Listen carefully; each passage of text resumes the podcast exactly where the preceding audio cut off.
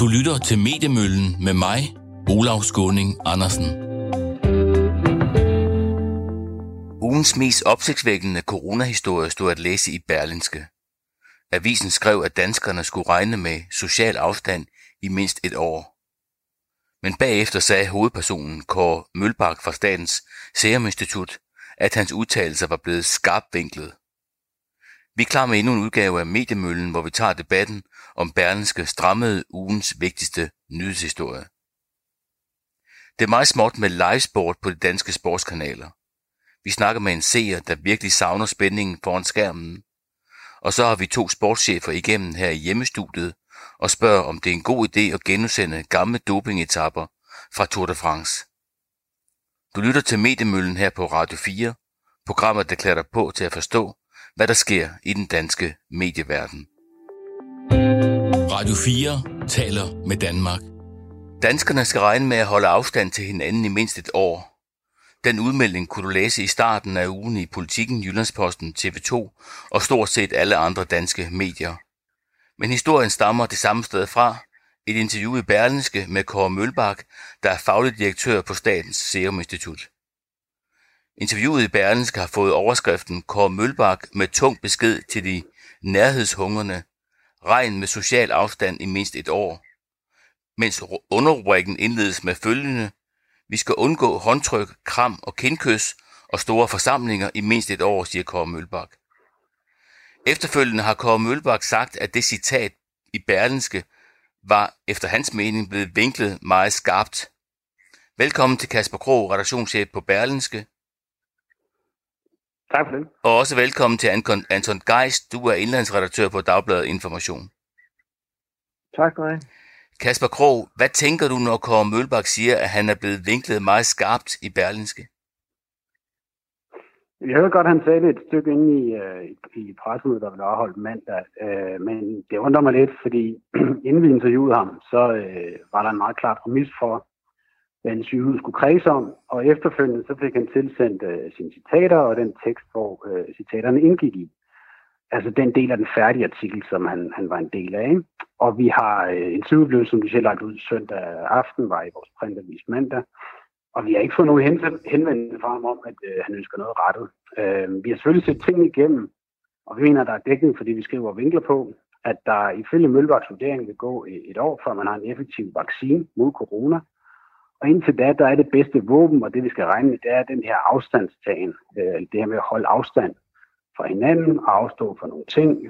Herunder nævner han så håndtryk, kindkys og kram som eksempler. Mm. Så vi vinkler ind på kommissionen og det interview, vi har lavet med ham, og det, vi finder mest interessant, og vi mener, der er dækning for i artiklen.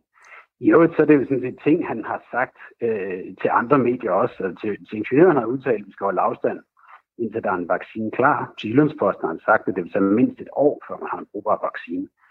Øhm, og så i øvrigt så bliver hans udsagn bakket op af andre forskere i artiklen. I siger, at I lavede en aftale om præmissen. Hvad var præmissen for interviewet? Vi skrev til ham, fordi vi i ingeniøren kunne se, at han har udtalt, at vi skal forvente at holde afstand, indtil der er en vaccine klar. Det synes vi var interessant. Øh, det blev citeret nogen grad, men slet ikke i, i, i lige så høj grad som vores blev. Øhm, det synes jeg var interessant, også fordi at man jo fra for eksempel vores statsminister side havde sagt, om, øh, sagt at man, vi kigger ind i et andet Danmark efter corona. Så vi ville gerne spørge Mølbak, også fordi han er jo en ret central person, så vi skrev til ham, at vi vil gerne interviewe ham om det, han har sagt omkring med at holde afstand indtil der er en vaccine klar, og vi vil gerne interviewe ham omkring, øh, hvad hedder det, øh, social afstand og effekt og perspektiver af det. Så det var oplægget for det, øh, og, og det der var øh, altså oplægget til interview. Der var ikke indgået andet aftale end det. Øh, hvilken aftale havde I indgået med, med ham med hensyn til citattjek øh, og den slags ting? Altså det er jo klart, han, det lyder til, at han ikke er tilfreds med den rubrik. Har han set den rubrik og den underrubrik også? Han havde ikke set rubrik og underrubrik, nej. Han øh, havde heller ikke øh, bedt om det. Han havde ikke bedt om at se citater, men, men øh, journalisten, der lavede interviewet, øh, efter, øh, gjorde det efter, at han havde interviewet om, at han spurgte, om han ønskede citater til, til gennemsyn. Det ville Mølbak gerne. Og det fik han, og han fik også tilsendt den tekst, som hans citater skulle indgå i, så han kunne se kontekst. Og han havde nogle rettelser til det, og det indførte i artiklen. Og så blev der arbejdet videre med artiklen, skrevet øh, rubrik og underrubrik og resten af den. Men når man læser interviewet, så har han jo mange forbehold og måske og den slags ting. Øh, synes du, de forbehold de bliver afspejlet i rubrikken og i underrubrikken? Altså, i rubrikken siger han for, at vi skal regne med social afstand mindst et år. Det er også dækning for et interview, hvor han blandt andet siger, at vi skal selvfølgelig ikke lukke alt ned, indtil vi har en vaccine, men det skal ske under den forudsætning, at folk har afstand. Men der er også, nogle, også nok, nok også nogle ting, der ikke kan genoptages, før vi har en vaccine. Altså, han gør det helt klart, at det er nogle godkendte citater, og genoptagelse af forskellige elementer, det skal ske under en forudsætning af, at folk kan holde afstand. Og han siger også, at der er ting, der formentlig ikke kan genoptages, før vi har en vaccine. Og vi taler ud fra en, en præmis om, at det her med vaccinen er noget, der har lange udsigter. Hans egen vurdering har været, at han er blevet interviewet i Jyllandsposten, og der vil gå mindst et år. Det var, der var, da der var nogle israelske forskere, der havde de første testresultater klar øh, i forhold til vaccine. Øhm, men han siger, der, der er en forventning af, at det vil gå, gå, gå ganske lang tid. Og så i forhold til rubrik, så er det jo altså også praksis normalt, at man vinkler ind på en, på, på en del af et interview, og, og, og der kan man i sagens natur ikke få alle forbehold med det, det kan nærmest ikke lade sig gøre, vel? Har du selv en forklaring øhm, på, hvorfor øh, Kåre Mølbak mener, at han er blevet vinklet for skarpt, tror du? Øh, nej, altså det, det, det, det, når, når vi ser det igennem, så, så er vi overbevist om, at, at, øh, at der har været en klar aftale om, hvad præmissen var. Det var, at man skulle tale ud fra, øh, fra en præmis om, at, at mens vi venter på en vaccine, hvilket kan tage lang tid, hvad er, hvordan, hvad vil effekten så være på, på, på de her øh, henstillinger omkring social afstandstagen, der kommer fra sundhedsmyndighederne, og hvilken effekt vil det have på smittespredningen? Det var en helt klar præmis for det. Mm. Øhm, jeg ved jo ikke, hvor trænet Kåre Mølbak er i at give interviews. Han er jo en, der nu er dukket op med jævn mellemrum i medierne, men, men hvor trænet han er i forhold til, til hvordan journalister vinkler ud for interview og andet, det skal jeg ikke kunne sige. Det må du spørge ham om. Anton Geist, øh... ikke, at han ikke, ja, undskyld. Jeg hæfter mig ved, han, jeg, jeg hæfter mig ved, at han har jo fået, fået citater og kontekst til gennemsyn. Han har øh, ikke rettet henvendelse til os øh, på nogen måde, heller ikke hverken før eller efter det pressemøde, hvor han bliver, bliver spurgt om, bliver blive spurgt ind til det, og så på et tidspunkt efter øh, et par spørgsmål om det, siger, at i øvrigt er det også lidt, lidt, lidt skarp vinkel, synes jeg. Anton Geist, indlandsredaktør på Information. Kan du forstå, at Kåre Mølbak ja. føler, at Berlinske har skarpt vinklet hans, hans udtalelser? Ja, du har ringet til mig, fordi jeg på, øh, på Twitter har skrevet, at jeg måske godt kunne øh, følge ham i, at, øh, at den var vinklet øh, vel hårdt, denne her øh, artikel. Øh, jeg synes, det er interessant, at øh, han har haft øh, sine citater og kontekst til gennemsyn, men jo lige præcis ikke påstanden om, at der skal gå mindst et år. Fordi det er jo i rubrikken og underrubrikken, at den øh, påstand står. Øh, så man kan sige, det, det øh, som jeg antager og kan forstå, at han oponerer imod, det har han faktisk ikke haft til gennemsyn. Og lige præcis det mener jeg faktisk, at han tager nogle ret klare forbehold imod i de citater, han så har godkendt øh, øh, i Berlingske. Ikke? For han siger jo øh, en masse, som du siger, Olof nok og måske og så videre. Og så siger han også det her med, at virusen kan mutere i mindre farlige retninger, altså blive mere som en almindelig forkølelse, og den kan også blive svækket over sommeren. Og så siger han, og hvis det ikke sker, så skal vi regne med at holde afstand, indtil vi får en effektfuld øh, vaccine. Og det mener jeg er et meget klart forbehold, som jeg har meget svært ved at få til at passe sammen med påstanden om, at han siger, at der vil gå mindst et år med social afstand. De to ting synes jeg simpelthen ikke øh, korresponderer, jeg er selvfølgelig helt enig med Kasper i, at øh, rubrikker og underrubrik er jo et sted, hvor man ikke kan få alle forbehold og alle nuancer med, men man skal jo omvendt ikke skrive noget i rubrikken og underrubrikken, som er forkert. Og mener du, Berlingske har gjort det her? Ja, det synes jeg. Altså, jeg synes at skrive, at vi skal undgå håndtryk, kram og kindkys og store forsamlinger i mindst et år, siger Kåre Mølbak. Det mener jeg er forkert i forhold til de citater, han kommer med. Og det er jo også meget interessant, at det Kåre Mølbak jo så åbenbart har fået at se der, det er jo brødteksten, som starter med, at der står, at det kan vare måneder eller år, før danskerne kan leve som før coronakrisen. Øh, det er jo noget andet end mindst et år, altså måneder eller år. Øh, og det er det, han har godkendt åbenbart. Ikke? Kasper Krog, hvad siger du til, at øh, I har strammet ja, synes, jeg, tingene mere end godt er? Med respekt, ja, nu synes jeg, med respekt, tokker lidt meget på, på et forløb, han lige har hørt beskrevet her. Altså, der har været en klar præmis for, at interviewet skulle handle om, indtil øh, indtil vi har en vaccine, hvordan skal vi så agere? Umiddelbart er selv citeret for at sige, at hvis den opfører sig på samme måde fremover, som den gør nu, så tænker jeg, at vi skal holde afstand indtil vi får en effektfuld vaccine. Han har selv sagt flere steder, og det er en del af præmissen for interviewet, at det regner han med, at der vil gå mindst et år, før man har. Og så nævner han nogle eksempler på, hvad vil det så sige for at skulle holde afstand? Så det betyder, at vi ikke behøver at stemme sammen til fredagsmorgen på arbejdspladsen. Det betyder også, at vi skal holde igen med håndtryk, kam og kindkys. Til gengæld kan man mødes på andre områder. Så nævner han Skype og Zoom. Han nævner også det med, at måske kan man begynde at lukke op øh, og finde nogle måder. Han nævner Louisiana, hvor man ikke kan lukke så mange mennesker ind. Ja, ja, ja, ja. Han siger også, at der er nogle ting, der ikke kan genoptages, før vi har en vaccine. Altså, det, det er bare en hovedpræmis. Det er, før vi har den vaccine, jamen, så er det vigtigste, han kalder det selv, et supervåben. Det er, at Men Kasper, det nytter jo ikke noget, at du det nytter jo ikke altså, noget, at du forsvarer dig med, med de øh, præmisser, øh, I mener, der findes øh, før interviewet. Vi må forholde os til interviewet, som det foreligger. Og der må vi jo sige, der er ikke nogen citater, hvor han siger det, I refererer ham for. Han kommer i alle tilfælde med forbehold. Øh, og det er det, jeg ikke mener stemmer overens med påstanden om, at han siger mindst et år. Fordi det, det kan jeg ikke se noget sted i interviewet, hvor han siger. han, han har fået til gennemsyn det tekstbid, som leder, altså mm. et indirekte citat, ja, ja. som leder op til det, han siger. Ja. Han har tidligere vurderet, at der vil gå mindst et år, før har en effektfuld vaccine med coronavirus. Derfor er forventningen i ja. Kåre Møllebakken, at vi netop ja. skal holde afstanden mindst et år nu. Ja. Og hvad siger han så? Så siger han, vi ved ikke, vi ved ikke hvordan, hvordan virus opfører ja. sig, om den muterer mm-hmm. og dermed bliver en almindelig forkølelsesvirus som andre typer af coronavirus. Vi ved heller ikke, om den svækkes, hvis vi får en god sommer. Men hvis den opfører sig på samme måde fremover, som den gør nu, så tænker jeg, at vi skal holde afstand, indtil vi får en effektfuld vaccine. Mm. Det er jo et utvetydigt forbehold. Men Kasper Krog, det er jo også sådan, at uh, Kåre Mølbak føler sig jo givetvis skarpvinklet her. Øh, er det ikke et problem for Berlinske, at den kilde, I har haft, føler sig misbrugt i det her tilfælde? Hvis, altså, han føler sig åbenbart ikke mere skarpvinklet, at, han, øh, at vi ikke har hørt fra ham, siden det her interview blev bragt. Der var Jamen, han siger det på pressemødet, ikke? Han siger det et, et enkelt gang som et, et svar et godt stykke ind i pressemødet. Det han starter med at pressemødet med at sige, det er, jamen jeg kan godt forstå, at der er nogen, noget i retning af, det tager ikke ordret, men noget i retning af, jeg kan godt forstå, at det har vagt opsigt, og at, at det er jo ikke for at gøre folk super, han har sagt det her, men det er en sundhedsfaglig vurdering. Det var hans, da han fik ordet, som jeg husker, det var det første, han startede med at sige, så kommer der en række spørgsmål, det vi har jo alle sammen set, hvordan pressemødet fungerer, og det bliver han så spurgt det. Altså, jeg efter med, vi har gået tilbage og kigget, har vi dækning for vores rubrik og underrubrik i, i, den, i det interview, der er lavet, i den tekst, vi har, i den præmis, vi har for interviewet, det mener vi, vi har.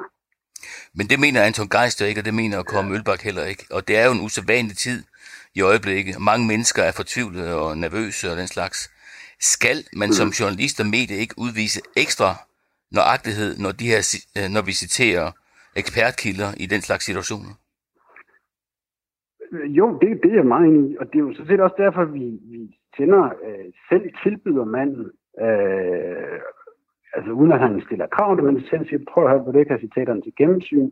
Det siger han ja til. Han får sådan set også øh, tekstafsnit, der leder op til, som jeg lige har, har redegjort for her. Øhm, og i hovedet, så det er også lige værd at huske på, at, at Mølbak er jo ikke enig om at sige det her. Vi har jo andre forskere på i artiklen, der er inde på det samme. Mølbak har, siger det samme som, som hans kolleger i tilsvarende positioner. Men han tager hele tiden forbehold. Inde på. Men, men, men, men Kasper, det er vel faktisk lige præcis pointen. Ikke? Altså, at øh, det, hvis man tog det ud, som var mindst, som er jeres øh, påstand om, at han siger, at der vil gå mindst et år, så siger han jo det, som alle andre siger, og så er det et relativt, øh, altså med al respekt, øh, uinteressant, eller i hvert fald ikke meget opsigtsvækkende interview. Fordi så siger han bare det, som andre folk, fagfolk siger. Det er jo netop, fordi han bliver refereret for, at der vil gå mindst et år, at det vagte så meget opsigt, i interview. Og det er der en besked, som mange derude i de sårbare grupper og blandt ældre og sådan noget vil opfatte øh, som en temmelig alvorlig ting. Og der synes jeg, at det lidt er et problem, at du siger, I har vurderet, at I har belæg for påstanden, men der er jo ikke noget citat, hvor han siger det. Altså, der, der er jo simpelthen ikke noget. Tværtimod kommer han med forbehold i alle sine citater. Og det, det stemmer bare ikke overens med påstanden om, at der skal gå mindst et år. Jamen, det, altså, det, det mener vi, vi har, og det er jo, det er jo den grundlæggende præmis, han er interviewet Hvor siger han det? Og du siger, du siger jo selv, at jamen, der er også mange andre, der er inde på det, og det kan godt være, at du, du mener, at det ikke Nej, er nej, det op de andre siger. Kasper, Der er er mange, der har kredset, der er mange, der har det, og derfor synes jeg, det kunne være meget interessant at lave en, en artikel, hvor man ligesom prøvede at blive helt skarpe på det. Hvad er det egentlig, der menes Ja. med det? Og det er det, vi, vi ønsker en tvivl om. Det er Jamen, det, det om. Det er Men, det, men, men Kasper det Krog, er- Kasper Krog, er det så ikke et problem, at jeres Altså- kilde øh, føler sig øh, skarpvinklet og, og misbrugt? misbrug. Hvor har han sagt, at han føler sig det? Jamen, det er jo en fortolkning af, at han føler sig skarpvinklet. Ja, der er måske lidt, lidt forskel. Men som sagt, han har ikke ret henvendelse til os. Vi har været inde og tingene igennem igen. Vi mener, der er dækning for både rubrik og underrubrik i det, vi skriver. Anton Geist, du har valgt at blande dig Ja. i den her diskussion. Øh, hvorfor egentlig? Øh, nå, men det, ja, du ved, altså man kan sige, det er jo nemmest at lade være med at blande sig i den her slags diskussioner. Øh, hvad hedder det? øh, Og det, øh, det, det er der også ofte værd med. Men jeg synes, det var, jeg synes dog nu, jeg tænkte nemlig selv, øh, da jeg læste den her artikel, tænkte jeg selv, at den virkede strammet. For jeg mente ikke, at der var belæg øh, for påstanden om mindst et år i citaterne fra Kåre Mølbak. Og så synes jeg, det var interessant, at han selv sagde det på pressemødet. Og så øh, lagde jeg mærke til, at øh, nogle journalister fra Berlinske ligesom skrev om, at det gav ikke nogen mening. Og så, så tænker jeg, det, øh, så skrev jeg lige en Twitter-tråd der, at, øh, at det synes jeg nu nok, det gjorde. Øh, og når jeg gør det, er det jo, som jeg siger, fordi at jeg synes, at øh, altså, vi medier, vi er jo også en slags magthaver. Altså, vi skal jo også øh, vil turde gå lidt kritisk til hinanden en gang imellem. Ikke? Sådan en, et budskab her øh, fra Kåre Mølbak, det er jo noget, der gør rigtig stort indtryk på rigtig, rigtig mange mennesker. Så jeg synes, det er fint at diskutere, om det nu også øh, er helt rigtigt, at han har sagt sådan. Kasper Krog, øh, fordi er det noget, det, som... jeg faktisk ikke, det er. Er der noget, I I fortryder i den her sag? Ja, vi har været inde og kigge på det igen. Jeg synes egentlig også, der er en pointe i, i forhold til Kåre Mølbak. Det er ikke første gang, at han har sagt et, og så kort efter øh, har, har, stået og sagt noget modsat på pressemøder. Han har gjort det samme omkring flokimmunitet. Han har haft udtalelser omkring, hvorvidt øh, børn øh, måtte lege sammen eller ej, som han gik ind og ændrede.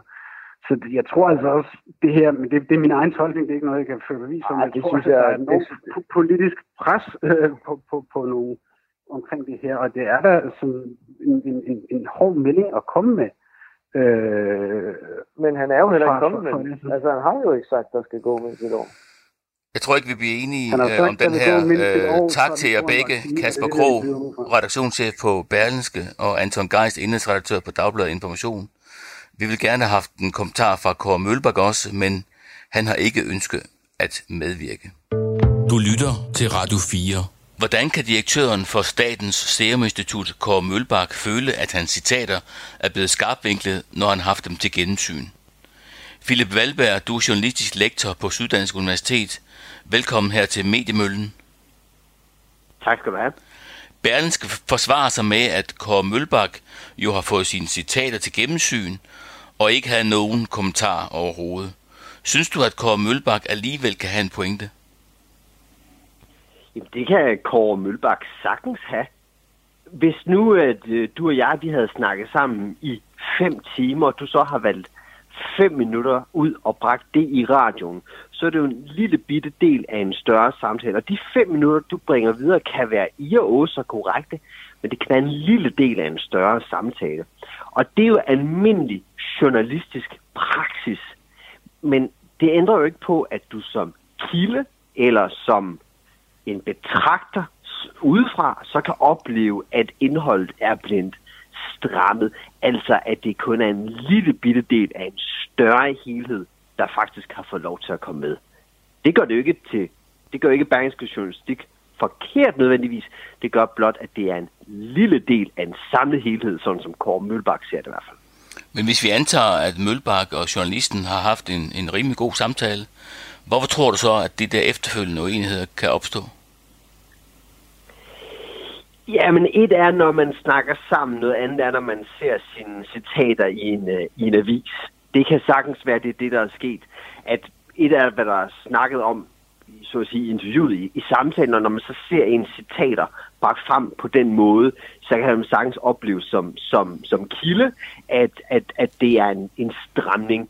Øhm, og det har jeg da også selv oplevet. Øh, Jeg er selv journalist, men jeg er også selv kilde som, som ekspert. Øhm, og der har jeg da gentagende gange oplevet, at en, en journalist har strammet vores samtale i en betydelig grad. Og det ser jeg ikke altid som, som, som altså det ser jeg, men det vil jeg ofte lægge mærke til, når jeg får materiale til gennemsyn men det bliver for alvor tydeligt, når det kommer ud på skrift, eller ud på en hjemmeside, eller ud i radioen, at man bemærker det. Men, men, men, men der kan sagtens være en, at, man, at, at, at hvis I, reaktion kommer, når det er udgivet, det, det, det, det er meget naturligt for mig selv. Øh, vi kan godt lave sådan lidt brugervejledning her. Hvilke krav bør kilder egentlig stille, inden de bliver interviewet af en journalist? Jamen altså, når, når man som kilde bliver interviewet af en journalist, så er det godt at have en fornemmelse af, hvor journalisten vil hen. Så hvis, øh, hvis når, når, når, når du ringer til mig, Ola, og spørger, vil du være med i programmet, så er det noget af det første, jeg spørger, hvad er det for en historie, du vil fortælle? Og det ved jeg, det gør jeg, fordi jeg selv er journalist, og jeg gerne vil være med til at styre fortællinger. Spørger måske også, hvad andre folk, der er med i programmet, siger, for at få en fornemmelse af den kontekst, jeg indgår i. Og det er sådan to meget basale spørgsmål, som eksperter, meningsdannere, politikere, alt muligt andet, altid bør stille en journalist. Og det er ikke fordi, at journalisten sådan skal udfrittes om deres produktion, men der er jo heller ikke noget hemmeligt i det. Og det er rart, nødvendigt vil jeg faktisk sige, som kilder at vide, hvilken kontekst det er, man indgår i. Man farer jo bare heller ikke ind i et eller andet lokale og begynder at råbe og skrige i alle mulige retninger øh, et sted, man ikke kommer normalt. Øhm, øh, det gør jeg i hvert fald ikke, trods alt. Øhm, så det er rart at vide, hvilken kontekst man indgår i, før man begynder at råbe og skrige til alle mulige kanter. Øhm, så, så og det er ikke dermed sagt, at Kåre Mølbak har råbt på skræt, det er slet ikke sådan, men, men det er bare sådan i almindelig øh, øh omgang med journalister. Kend din, hvem er ellers med, og hvad er det for en historie, som overordnet fortælles. Men, men bør en kilde som Mølbak ikke være så professionel, at han kan gennemskue, at hans udtalelse kan bruges til at drage den konklusion, som Berlingske de drager?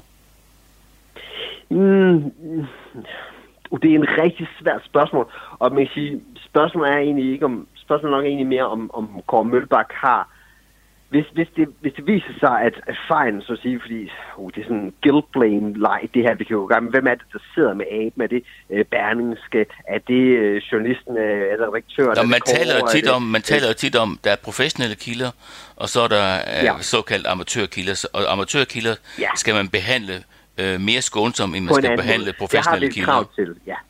Præcis. Men, mm, men Kåre er jo klart en professionel kilde, og man må forvente, at han har en eller anden form for øh, kendskab til at, at arbejde med pressen, også kvæg, hvor meget han har været på det sidste stykke tid. Men, men, men han er ikke selv journalist, og man skal huske det modus, som Statens Serum Institut normalt er i, så er det jo ikke sådan en, han, han, han er brugt i, i en betydelig grad. Men det er et svært spørgsmål, men helt ærligt, uanset om han er professionel eller ej, så synes jeg faktisk, at, at, at det her med, hvem er det ellers, der indgår, og, og kontekst, det er sådan nogle spørgsmål, man skal stille, og det er ikke sikkert, at Kåre får stillet dem i en fart i den, i den hastighed, det formentlig er sket i alt det her, for han har travlt. Det ved jeg ikke noget om. Øhm, og jeg synes egentlig heller ikke, at vi skal sådan lege skyldleje, hvem har skylden for det her.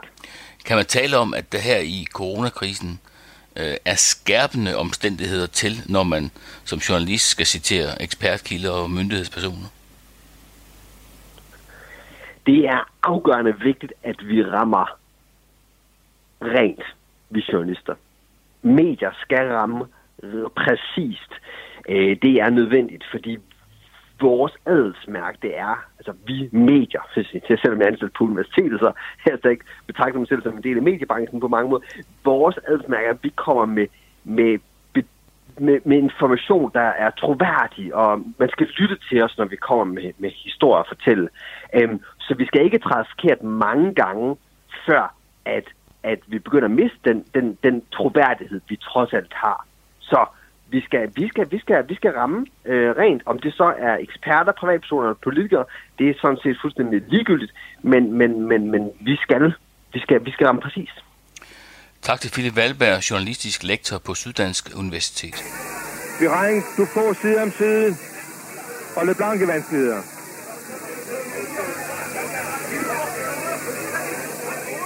Men helt fremme, det er, hvor den hører hjemme, sidder den gule trøje, og den sidder på Bjarne Ries. En drejn i tredje gruppe. hvor Jan Ulrik flot sidder med solbriller i håret. Sporten er hårdt ramt under coronakrisen, og dermed også de redaktioner eller tv-kanaler, der lever af at sende og formidle sport. Alt er stort set aflyst eller udsat. De store fodboldligaer, EM i fodbold, håndboldligaer, Wimbledon, de olympiske lege, Tour de France.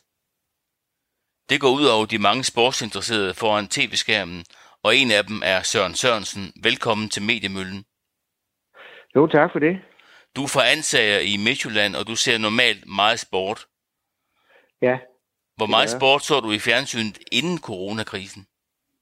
Jo, men jeg så jo jeg så mange Superliga-kampe, og jeg så øh, altså selvfølgelig alle landskampe, primært fodbold, men fodbold og golf. Øh, og resten det har jeg ikke set så meget af, men, men det er sådan set det, jeg har, har set øh, mest af inden, øh, inden den her krise. Men der er jo også meget fodbold og golf øh, i fjernsynet. Hvor mange timer kunne det blive til om dagen? Jamen, det kunne da godt sådan op i weekend og fredag, lørdag, søndag, der kunne det godt blive til en tre, tre timer eller sådan noget. Det, det tror jeg mindst fire timer måske. Det i weekend, der kunne jeg godt, godt bruge meget tid på, på, på, på, på det. Og, og, og, og, og golf allerede fra om torsdagen. Savner du sport i tv nu så? Ja, altså savner og savner. Altså, øh, jo, det gør jeg da. Altså, der er selvfølgelig nogle andre ting, som så kommer til at fylde mere. Det er klart, jeg er sådan set lidt overrasket over, hvor meget tid jeg egentlig har brugt på den sofa der. Det, det, det, det sagde min kone også forleden her, at det er sådan noget helt andet. så, så, så, så jeg har da brugt meget tid, og, og, og, og ja. Så du ligger ikke så meget på sofaen længere? Jo, fordi der er sådan nogle gamle Ryder Cup-udsendelser, hvor jeg ikke kan huske resultatet. De er 20-25 år gamle. Og så, og så har jeg meget fornøjelse af at ligge og se. Jeg, jeg så lige en fra 93 øh, her for nylig. De sender dem jo på, på Viasat Golf. Og det, så nu, det er jo ikke altid, man lige kan huske, hvordan det gik til sidst. Så det har jeg meget fornøjelse af. Men hvad er det egentlig, sport giver dig sådan under normale omstændigheder? Jamen, jeg tror, det er underholdning. Altså, det, er sådan, det er sådan rent øh, underholdning, og så giver det meget, fordi øh, det der, det der øh, øh, spænding omkring det, og særligt omkring Vejle Boldklub, fordi det har været min klub, og det vil jeg nok sige, det er jo overvejende Vejle Boldklub, både på stadion og så også, øh, også selvfølgelig udkampen i fjernsynet øh, med, med Vejle. Det følger jeg, fordi det, det er der, jeg har mit hjerte. Og, og det var jo, Jamen det er, det er næsten, jeg ved ikke om jeg må lige sige det, men det, det, det er jo næsten for mig, fordi jeg overvejede faktisk på et tidspunkt for et par år siden at gå til hypnose, fordi det fyldte så meget, også når sådan, sådan inde i badet, så fik jeg sådan nogle tvangstanker, og, sådan, og det blev bare alt for mig. Det siger lidt om, at, at det kan også gå lidt over gevind, men, men det, det, var, det var altså rigtig meget, og min kone synes også, det var noget mærkeligt noget. Men gik du så til hypnose, eller hvad? Nej, det gjorde jeg ikke. Det gjorde jeg ikke. Jeg, jeg er ligesom, ligesom øh, hvad skal jeg sige, øh, på en eller anden måde sådan, ja, lever med det, og, men det, det er jo det er helt ulogisk. Jeg kan bare ikke helt forklare, hvorfor, hvorfor mit hjerte sådan, hvad skal man sige, øh, binder til det. Jo, jeg tror godt, jeg ved det, fordi jeg har selv spillet i Vejle Boldklub som dreng, og har, har fulgt dem, ikke også lige fra Tommy Troelsens tid, og derfor fylder det sådan rigtig meget. Øh, øh, jeg var ikke særlig god til det, men øh, spillede på syv lilleput, og det var syv hold, og jeg spillede på tredje junior, og der var tre juniorhold, og det siger lidt om, men jeg følte, jeg var den bedste. Så derfor hænger det lidt ved. det, var, det, var, det, det var gode tider, og jeg tror, det er sådan noget, at det der også fodbold i det hele taget, ikke? også når man har det med som, som barn på den måde, hvor det, hvor det fyldte utrolig meget. Så, Men er du egentlig overrasket over, hvor meget du så savner det nu her, hvor, hvor der ikke er noget? Ja, ja det, altså jeg savner det rigtig meget, det der sus, hvor vi kører hjemmefra og, og, og, og og der er flere med i bilen, og vi går op ad Roms hule, og vi hører øh, fansene derop, der, når vi går op imod og ind igennem øh, tilapparatet og dukker op, dukker op på tribunen derovre, hvor, hvor fansene allerede står der og godt i gang. Det savner jeg rigtig meget. Men det er jo stadionoplevelsen. Det er jo oplevelsen ja, det er på stadion. Det, det, stadion. Det, ja, men det, det, det, det er også derfor, jeg er til de fleste hjemmekampe, hvor jeg kan komme afsted med det. Nu var det lige fjernsyn, du spurgte om, ikke også? Ja. Men, men det, det, det, det bliver jo en lidt tam oplevelse ved siden af, men alligevel er det jo noget, jeg ser meget frem til, når, når Vejle skal spille på udebanen. Altså, de sender jo de fleste kampe. Men ser du også frem til at, øh, at se fodboldkampe nu, når de begynder at starte øh, med at sende uden tilskuere? Ja, det kommer jeg til at se. Det, gør, det bliver selvfølgelig noget andet, ikke også? Men det er jeg da ikke i tvivl om. Det kommer jeg da til at, at, at se, ikke også, øh, når, i hvert fald når, når, når min klub er på. Men du har også set nogle af de genudsendelser, fortæller mig. Du har set noget golf. Har du set andre ting? Jeg har set noget, v, noget EM og VM. De har også sendt nogle, nogle, nogle fodboldturneringer, men det er ikke, fordi det interesserer mig vildt og voldsomt. Det, det er jo ligesom til en side. Altså, ja, det, Hvad med sådan det, Tour de, gamle Tour de France-etappe med Bjarne Ries? Er det noget, du ser? Siger mig ikke noget. Nej, det er monotont, og det er, det er slet ikke, det er slet ikke lige, lige mig. Nej, det, jo, ser det da lidt, ikke også, men, men øh, nej. Men hvordan synes du, sportskanalerne har klaret den øh, måde at genudsende på?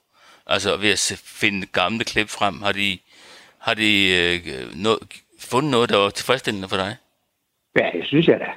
Det synes jeg da, men alligevel, det er jo ikke det samme. Altså, det, det er da sådan en slags surrogat, ikke også? Det, det, det, det, det, jamen, jeg synes, det er fint nok. De gør, hvad de kan. De kan jo ikke, de kan jo ikke trylle. Så jeg synes, det er fint nok. Så det kan ikke trylle nogle ting frem, som øh, du egentlig gerne vil se? Nej, ikke jeg vil bruge tid på. Nej, det, det, skal, være, det skal være den rigtige vare, det synes jeg. Det, det er altså sådan noget, noget live sport. Men når du så øh, ikke ser så meget sport nu, hvad bruger du så den tid til? Ja, i dag har jeg sat øh, to stærkasser op og, og repareret en, og så har jeg øh, en spætmejsekasse. Og så går vi ture. Mig og min kone, vi går, vi, vi, vi går, vi går i forvejen meget, og nu er vi oppe på, at vi går hver dag mindst 8, 10, 12 kilometer. Og det øger vi lidt. for det, vi elsker at komme ud og gå, og, og, og, og, og så har, bruger vi nærområdet, og, og hvor vi har fundet ud af, at vi slet ikke kender vores nærområder. Altså, så, øh, øh fordi vi kører bare på landevejen derude, så kører vi hjem, og øh, de der skove her omkring, og de der stisystemer og åløb og sådan noget, man kommer helt ned til. Det er sådan noget, vi udforsker lige i øjeblikket, og det fylder, fylder på den gode måde. Men det lyder også under end at ligge på sofaen. ja, jo. Det, det er ligesom... Øh, jo, men der er der steder, hvor det ville aldrig være kommet, hvis ikke vi havde den her coronakrise. Det har jeg snakket med min kære kone om, at, øh, at det er ligesom en helt ny verden, der åbner sig her lokalt. Ikke? Også, så det er jo ikke noget, der er så skidt, det ikke er godt for noget i hvert fald. Tak til dig, Søren Sørensen, for at være ja. med her i uh, Mediemøllen. ja, velbekomme. Du lytter til Radio 4. John Jager, du er chefredaktør på TV2 Sport. Hvordan er I ramt af coronakrisen? Ja, men som alle andre, så er vi jo øh, frygtelig hårdt ramt af dem, øh, af det. Øh, det er klart, at vi har ikke så store problemer som, øh, som dem, der er alvorligt syge eller dør af det, øh, og, og gode tanker til dem. Men altså, al sport er jo stoppet, så derfor kan vi øh, ingen sport sende, og det vi laver, det er ligesom at sende sport i fjernsynet. Så øh, vi er frygtelig hårdt ramt. Vi har ikke rigtig noget, vi kan sende i fjernsynet, og det kan vi også meget godt lide. I har sendt rigtig meget håndbold, det gør I normalt, også meget cykling, og her er sæsonen næsten lukket ned. Øh, hvad betyder det for jer? Altså sender I folk hjem, eller hvad gør I? Ja, øh, TV2 som, øh, som virksomhed har lavet øh, en, en øh, synes jeg, øh, rigtig, rigtig fin ordning, hvor øh, ja, jeg tror det er en, en øh, 100-100 mennesker, som øh, bliver sendt hjem øh, med øh, en, en pæn del af deres syre øh, i, øh, i hvert fald øh, maj og måske også juli og måske også juli og, og øh, der er rigtig mange af sportens folk, som er sendt hjem, fordi der jo rent faktisk ikke er noget at lave. Så ja, folk er sendt hjem øh, og glæder sig til, at det hele går i gang igen på et tidspunkt. Ligesom rigtig mange andre sportskanaler, så øh, skal I jo sende noget, og I har så sendt et, et væld af genudsendelser af store præstationer. Håndbold og fodbold og cykelsport. Øh, og på TV2 har I blandt andet excelleret i at vise en del etapper med Bjarne Ries, Rolf Sørensen, Jesper Skiby, Michael Rasmussen. Den slags cykelryttere, som vandt etapper i Tour de France, mens de var fyldt med op med doping. Øh, hvorfor gør I egentlig det? Altså først og fremmest, øh, vi sender jo alt muligt. Øh, du har ret, vi sender både cykelsport og håndbold og badminton og tennis og NBA og så altså videre skal jeg. Altså, øh, vores udgangspunkt er selvfølgelig det, at, øh, når vi ikke har noget live sport at sende, så vil vi jo gerne se, hvordan vi kan, kan underholde flest mulige seere, øh, og det kan vi ved at, finde noget i arkiverne. Og, og noget af det, vi finder i arkiverne, det er så øh, nogle øh, cykelløb fra den øh, gang, hvor der var øh, rigtig, rigtig meget cykelsport, som var frygtelig præget af, af doping. Øh, og det er jo nogle gange noget, der er sket. Det er nogle gange en del af historien, og så kan vi konstatere, at det er noget, som øh, vores seere, når vi spørger dem om, hvad de gerne vil have, vi sender, jamen så er det noget af det, som de gerne vil have, vi sender. Øh, og når vi sender det, så kan vi se, at det er der rigtig mange, der gerne vil se. Og det er en primær grund til, at vi, vi sender også det. Øh, vi sender også mange andre dejlige cykelløb fra mange andre tidspunkter.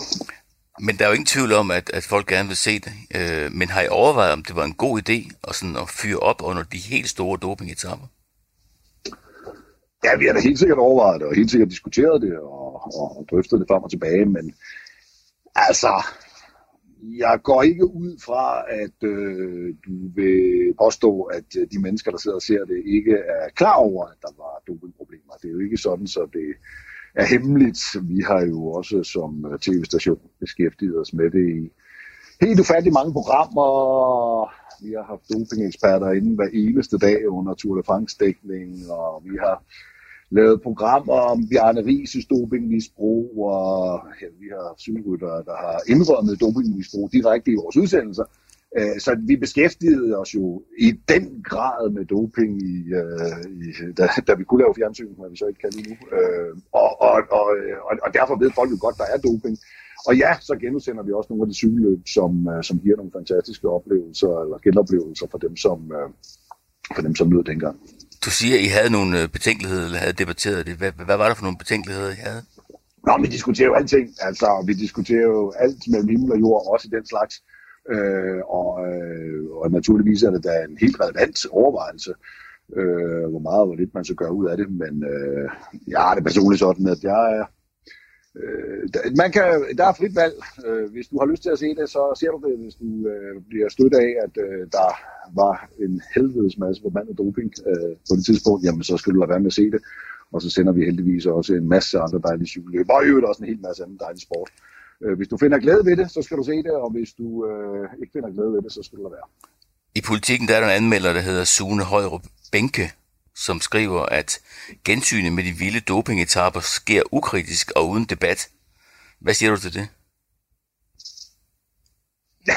jeg siger, altså i sagens natur er det jo, øh, altså i og med, at, at det er 100% ren genudsendelse, altså vi, vi, øh, vi, tager et, øh, vi går ned i kælderen og tager et bånd op, og så øh, får vi det kørt over på de nye systemer, og så sætter vi lige igen, og så øh, taler Jørgen Maler og Jørgen Let øh, hen over billederne så er det klart, så, øh, så, så, så i den forstand kan man vel godt påstå, at det er ukritisk, eftersom det er en 100% ren genudsendelse. Mm. Øh, jeg er ikke helt sikker på, hvad, at pointen skulle være i det. Øh, som men, sagt, jo, men altså, hvis man ville lave noget kritisk journalistik på det, så kunne man vel godt have gjort det. Altså, der findes jo virtuelle måder at gøre det på. Øh, altså kritisk journalistik på doping dengang, eller hvad? Ja, og pakke det ind i en, øh, i en, i en kritisk tilgang.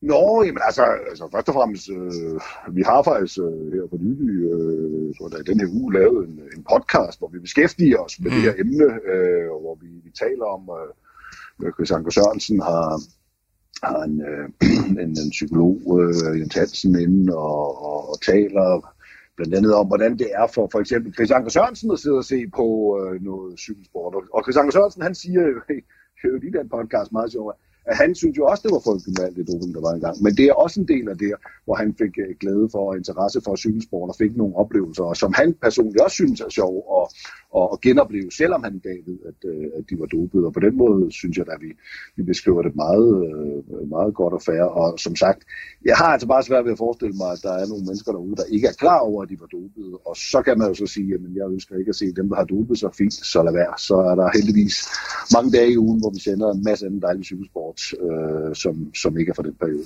Men når I, I, I sender det sådan uden at pakke det ind i noget, er det sådan fuldstændig i orden at lægge den kritiske sans på hylden, bare fordi det er coronakrise? Jeg, jeg synes, det er meget, meget, meget søgt at sige, at fordi man genudsender et program fra start til slut, så er det at lægge den kritiske journalistik på hylden. Som jeg siger, altså, øh, det er, vi var øh, dem, der lavede et frygteligt langt program med øh, Bjarne Ries om øh, dopingmisbrug, øh, både den ene og den anden gang. Øh, vi har haft i vores udsendelser cykelryttere, der har indrømmet dopingmisbrug direkte i. Vi har lavet lige på sportsprogrammer om Michael Rasmussen. Vi har lavet sportslab om, hvordan øh, doping er noget frygteligt noget. Vi har øh, lavet analyseinstitutter beskæftiget sig med, hvad danskerne mener om doping. Altså vi har beskæftiget os helt utrolig meget med doping. Altså sidste år under Tour de France og forrige år under Tour de France, der havde vi en hel dag, hvor vi i to, tre, fire timer udelukkende talte om doping. Så altså at påstå, at vi ikke beskæftiger os med doping, det er bare latterligt. Ja, når vi genudsender et program fra start til slut med Jørgen Maler og Jørgen Let, ja, så er det en genudsendelse af programmet, og det kan man så tage som det er, eller lade være, hvis man hellere vil sige noget. Hvad sender I egentlig i juli måned, hvor vi er vant til at se øh, Tour de France? Er det så igen en masse doping-etaper, eller hvad? Det er et godt spørgsmål. Uh, altså først og fremmest er vi jo helt vildt ærgerlige over, at der ikke er noget live sport, altså både Tour de France og alt muligt andet.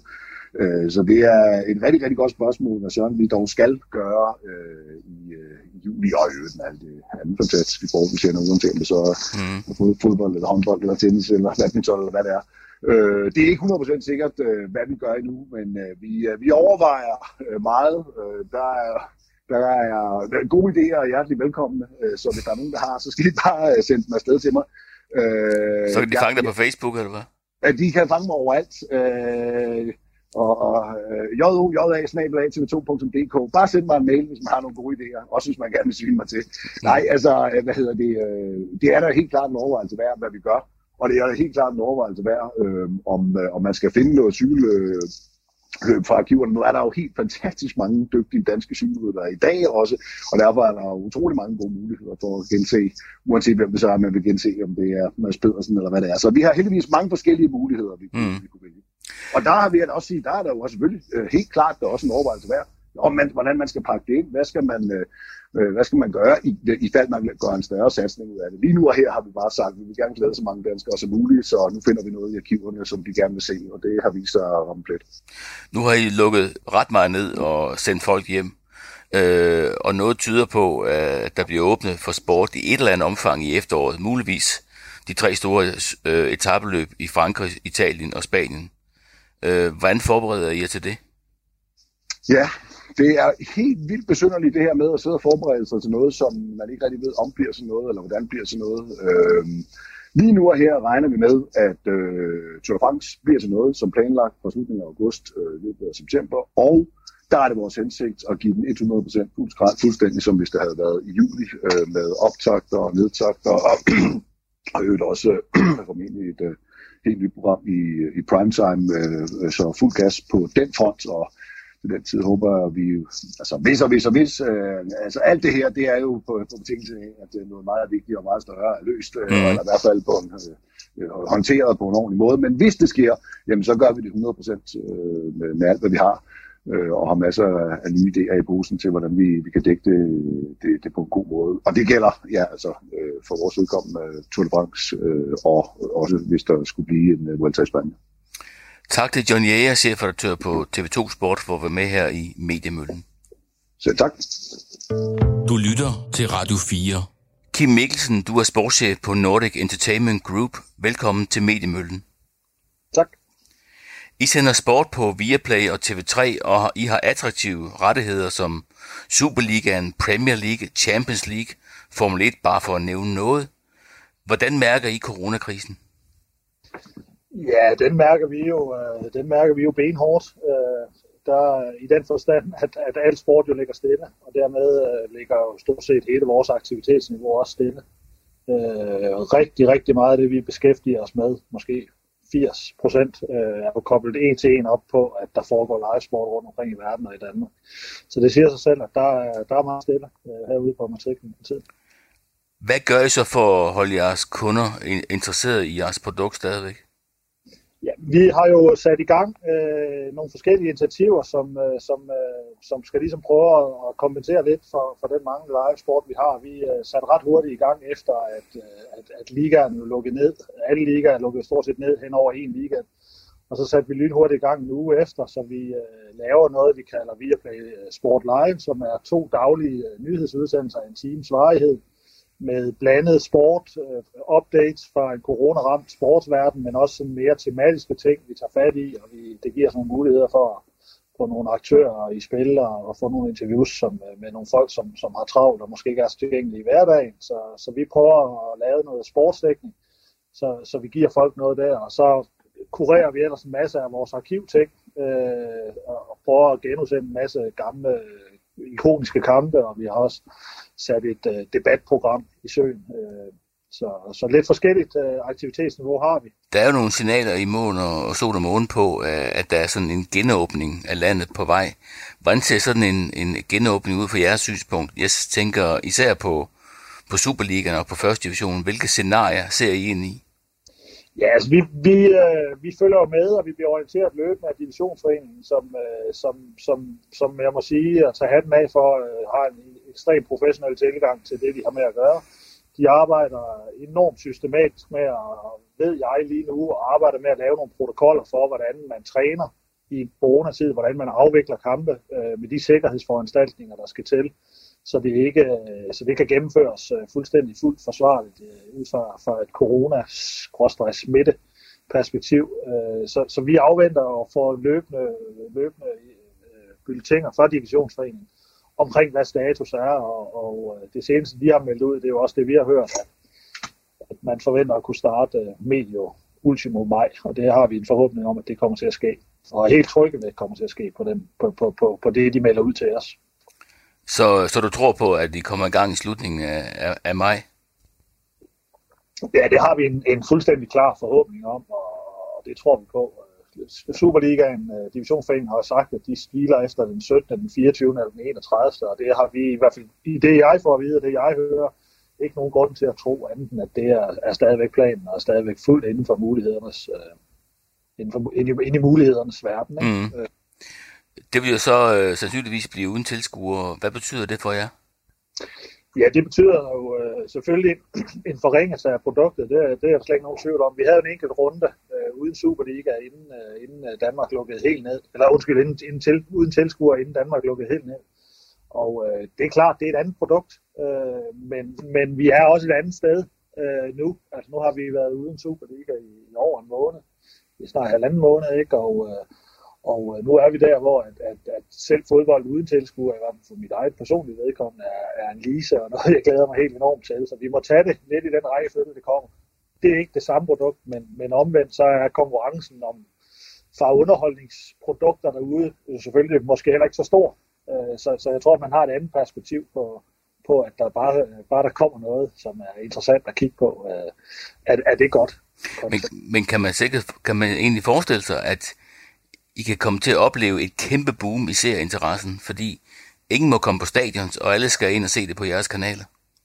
Så generelt vil jeg sige, at, at og det ved vi fra mange, mange års øh, research og erfaring, at, at, at mange tilskuere på stadion giver mange øh, tv-seere, og, og få tilskuere på stadion giver få tv-seere. Så de to kurver, når man kigger dem, over en årrække, så er de, de er forbundne kar. Øh, mm. Altså, for godt på, på mange steder, så er der mange tv-serier. Jeg tror dog, øh, at, at det her er godt. Øh, jeg tror ikke på, at vi får få tv Jeg tror, at der er en opsparet øh, utrolig sult efter at se noget livesport, se noget Superliga. Men, men, men jeg tror da også, at, at, at det er bestemt ikke noget, der, der, der holder i, øh, hvis, hvis vi skal se uden tilskuere i, halve og hele år, så er, det, så, er det, så er det selvfølgelig rigtig, rigtig træls og alvorligt. Fordi det er et andet produkt, der fodbolden lever øh, i høj grad også af, at, at, at, at det liv, som tilskuer og, og, og giver til kampene. Så, så, så det skal vi jo forhåbentlig have op og køre hurtigst muligt med tilskuer på stadion. Hmm. Hvordan ser planen ud for jeres udenlandske rettigheder, altså Bundesliga, Premier League, Champions League, Formel 1? Ja, altså vi følger jo, følger jo med i dels, hvad der bliver skrevet og sagt øh, i internationale medier, men også hvad vi får at vide fra, fra de folk, vi har købt rettighederne af. Og, og der er jo ikke meldt rigtig noget officielt ud, men, men sådan et, et hurtigt overblik øh, er jo, at, at, at Bundesligaen ser ud som om, det er dem, der er længst fremme. Øh, øh, så er, er Premier League øh, nok lidt efter, men der har vi en, en forhåbning om, at de kan komme i gang øh, primo juni. Tak til Kim Mikkelsen, sportschef på Nordic Entertainment Group, der sender sport på Viaplay og TV3. Radio 4 taler med Danmark. Vi er ved vejs ende af denne udgave af Mediemøllen. Mediemøllen sendes hver fredag og genudsendes søndag kl. 12.10. Programmet kan hentes på Radio 4's hjemmeside og Radio 4's app, og der hvor du ellers finder dine podcasts. Du kan komme i kontakt med os på mailadressen mediemøllen radio4.dk. Programmet er produceret af Wingman Media, for Radio 4. På fredag kl. 12.10 tager vi endnu en tur i Mediemøllen. Tak fordi I lyttede med.